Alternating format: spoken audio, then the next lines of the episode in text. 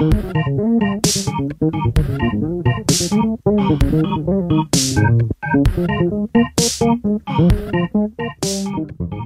bon dia, bona vesprada o bona nit, eh, sense importar de quan els estiguem escoltant i benvinguts i benvingudes a un altre episodi de Resona, el podcast de la revista, efectivament, de la revista Sos de Xadoc.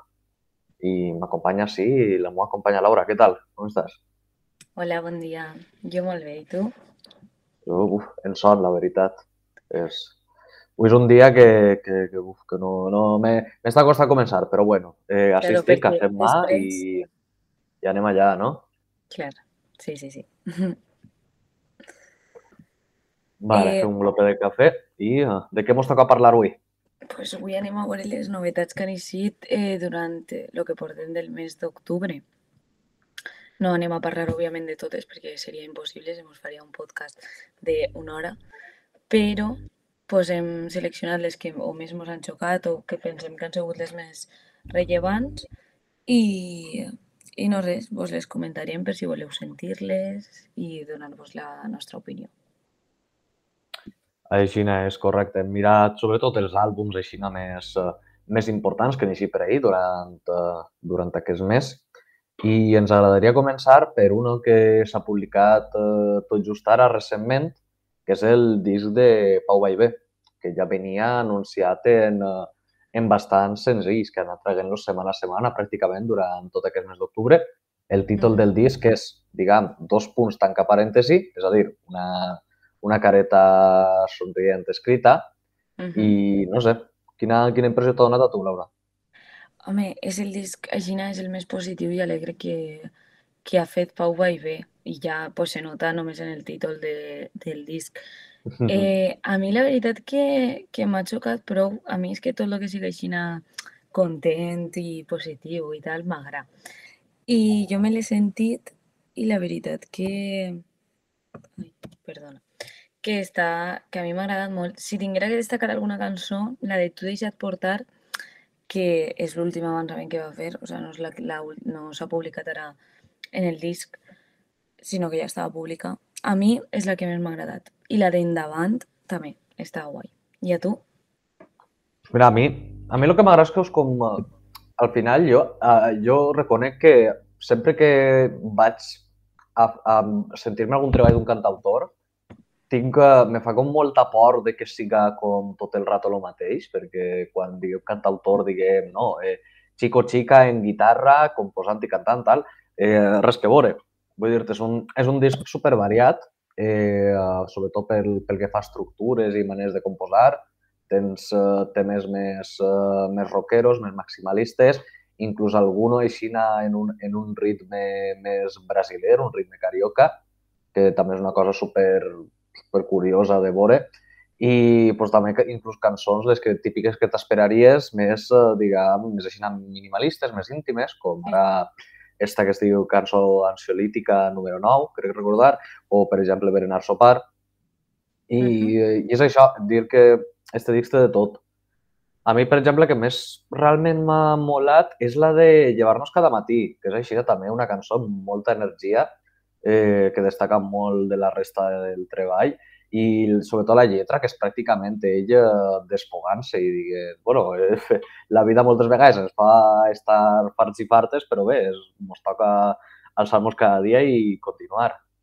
I és un poquet, eh, és un poquet aquest tema. Però això a, a, mi, a mi és el que m'ha m'ha cridat.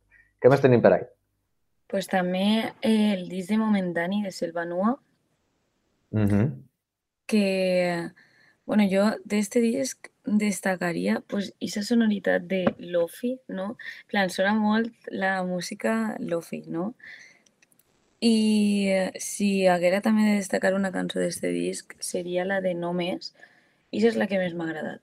Però mm, el disc en si, a mi personalment me pareix que està prou guai. I a tu? pues mira, és, es, crec que has pegat molt en el clau, en el tema del lofi, que a veure, és més, no, no és com estrictament eh, lofi hop d'este, però sí que és veritat que té, que té com aquest rotllo molt atmosfèric. Entonces sí que és veritat que té com molt, molt d'ambientet, uns cintes que sempre estan per darrere, que li donen, que dona així molt de rotllo i que, però no, diguem, no se deixa de la melodia. O sigui, no, no per voler ser atmosfèric se deixa tot de, deixa tot el que és la cançó com a tal moltes vegades de, de costat. Entonces sí que és veritat que acaba sent un disc de, de pop així molt, molt eh, lleuger, no en el sentit de, de, de senzill de sentir, de poca profunditat, sinó en el, en el sentit de, de que no de que és com tot el, tot el rato molt, eh, molt eteri, si li podríem dir.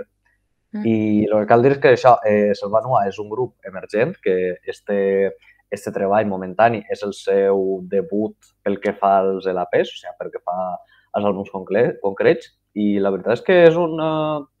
L'estil que fan està, està molt guai, està molt curiós. Està, a mi, a mi la veritat és que més enllà d'agradar més o menys a nivell de gust personal, penso que, que, està, que està guai la direcció que estan explorant. Sí, ja, o sigui, pregant, sí, perdó, digues.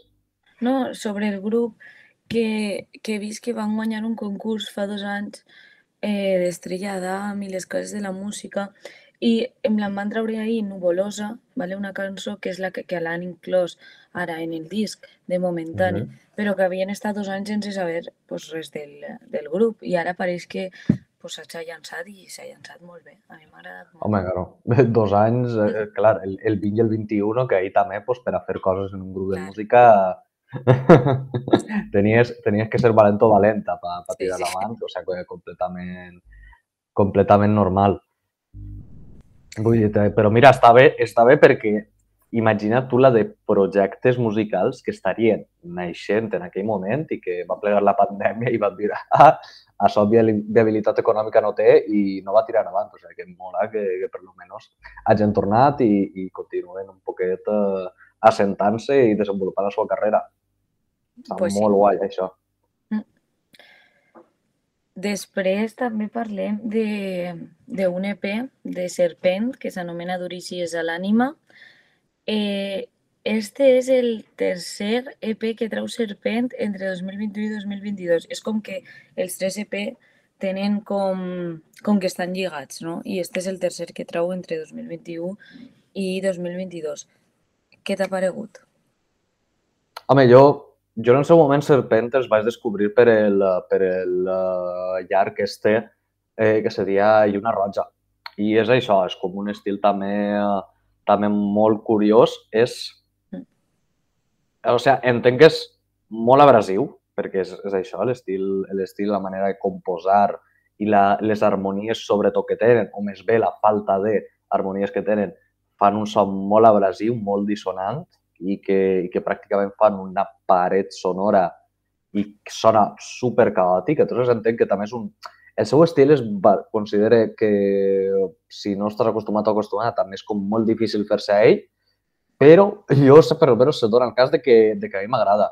I d'este EP concretament destacava el tema violència precisament perquè és, perquè tenen com un poc d'estructura i un poc de groove en, en els riffs de guitarra que fan. O sigui, que és un tema que inclús en aquest aspecte, més enllà d'aquest post-hardcore, d'aquest post-punk que fa el grup, vira un peliu del, inclús al heavy metal, en el sentit que està tot un poc més ordenadet, o per almenys pareix més ordenadet, entonces a mi pues, en aquest aspecte m'ha molat.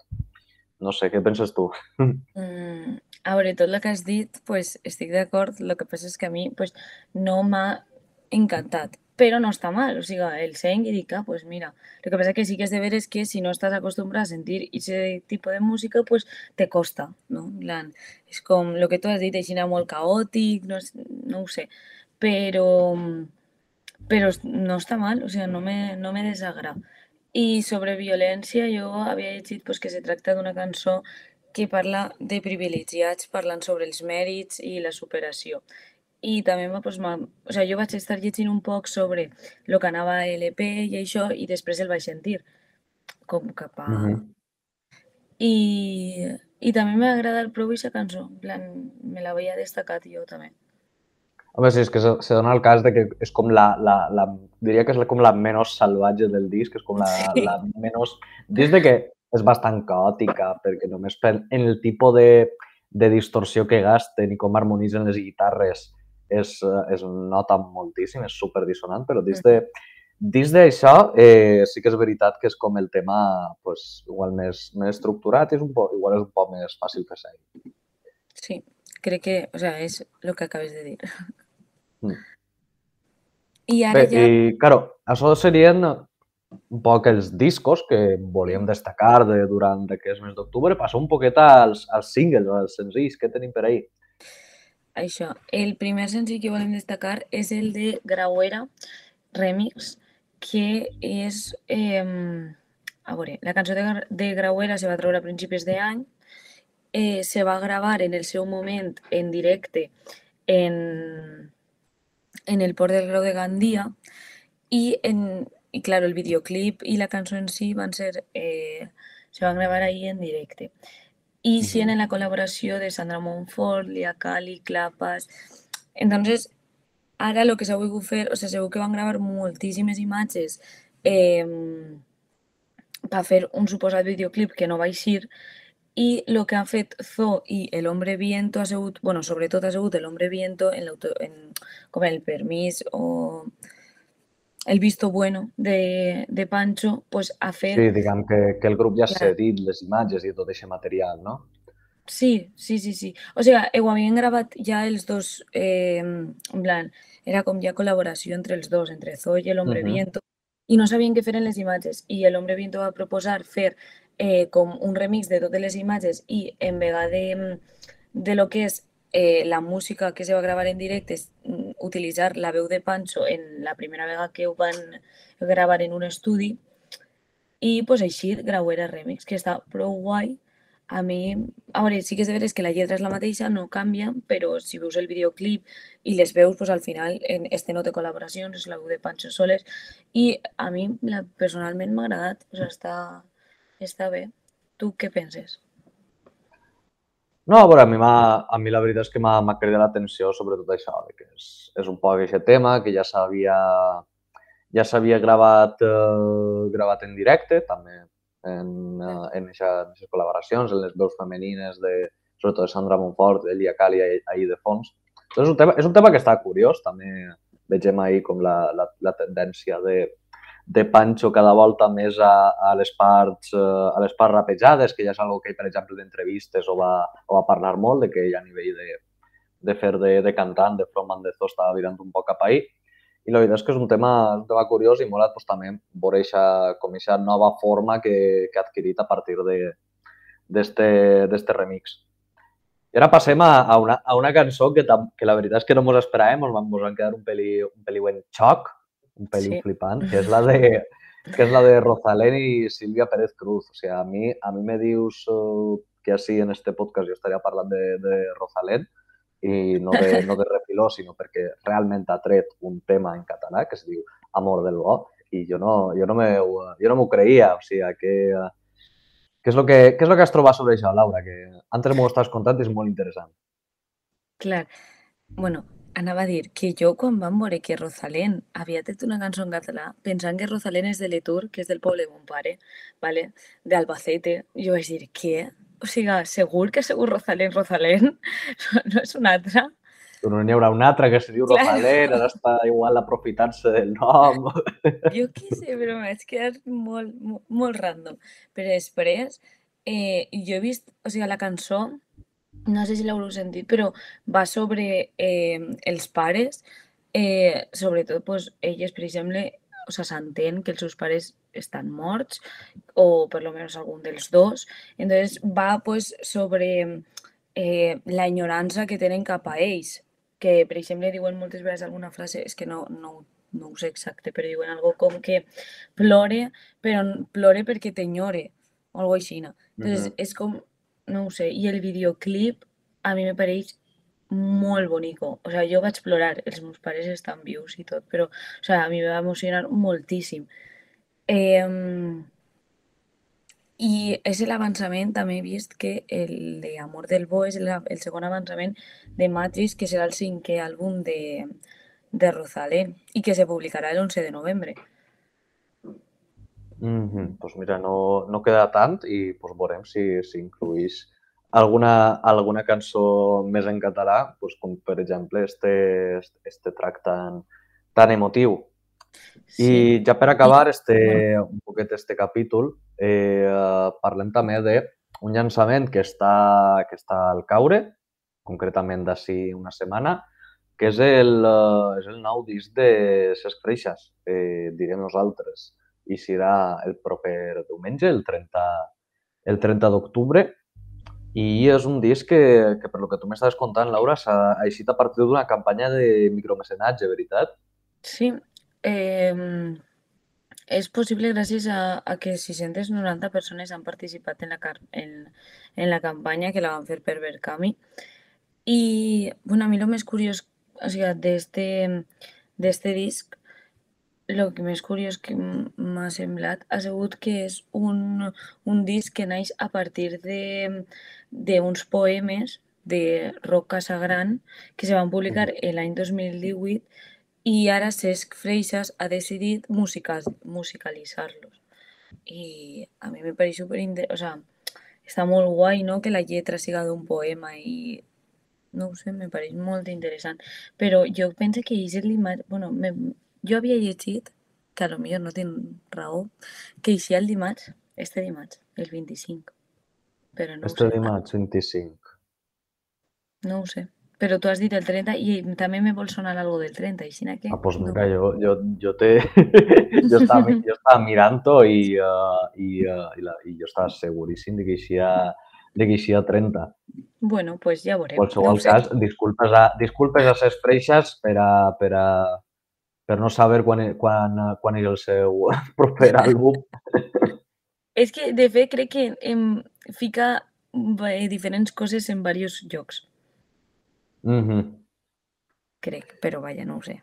Si doncs no qualsevol, en, qualsevol, en qualsevol cas, jo, jo, jo precisament el que, el que havia vist era concretament que anava a eixir el, el proper diumenge, el, el, el 30 d'octubre, i que anava... que això un poc era la data de la data de llançament de l'àlbum. Però bé, eh, de moment és tot, eh, això és un poc tot el que portem per a vosaltres aquesta, aquesta setmana, un resumenet així de les coses més que ens han paregut més destacables durant, durant este mes d'octubre. I doncs eh, anem a, anem a deixar-ho per així. I, eh, bueno, mira, actualització, eh, última nota, m'acaben de passar des de realització, que, que bueno, per què m'ho tenim, de que efectivament és el, eh, és el dia 30 de, el proper 30 d'octubre, el proper diumenge. Vale, ja està, ja, ja, ja me'n podem anar a dormir eh, tranquil·les. Bé, això ha sigut tot per ara. Eh, I bé, que passeu el, les felices pròximes dues setmanes fins que ens tornem a, a veure o més bé sentir així, en Resona. Adeu. Centrifuguen els desemparats, no me les parets que en el que callen els telediaris.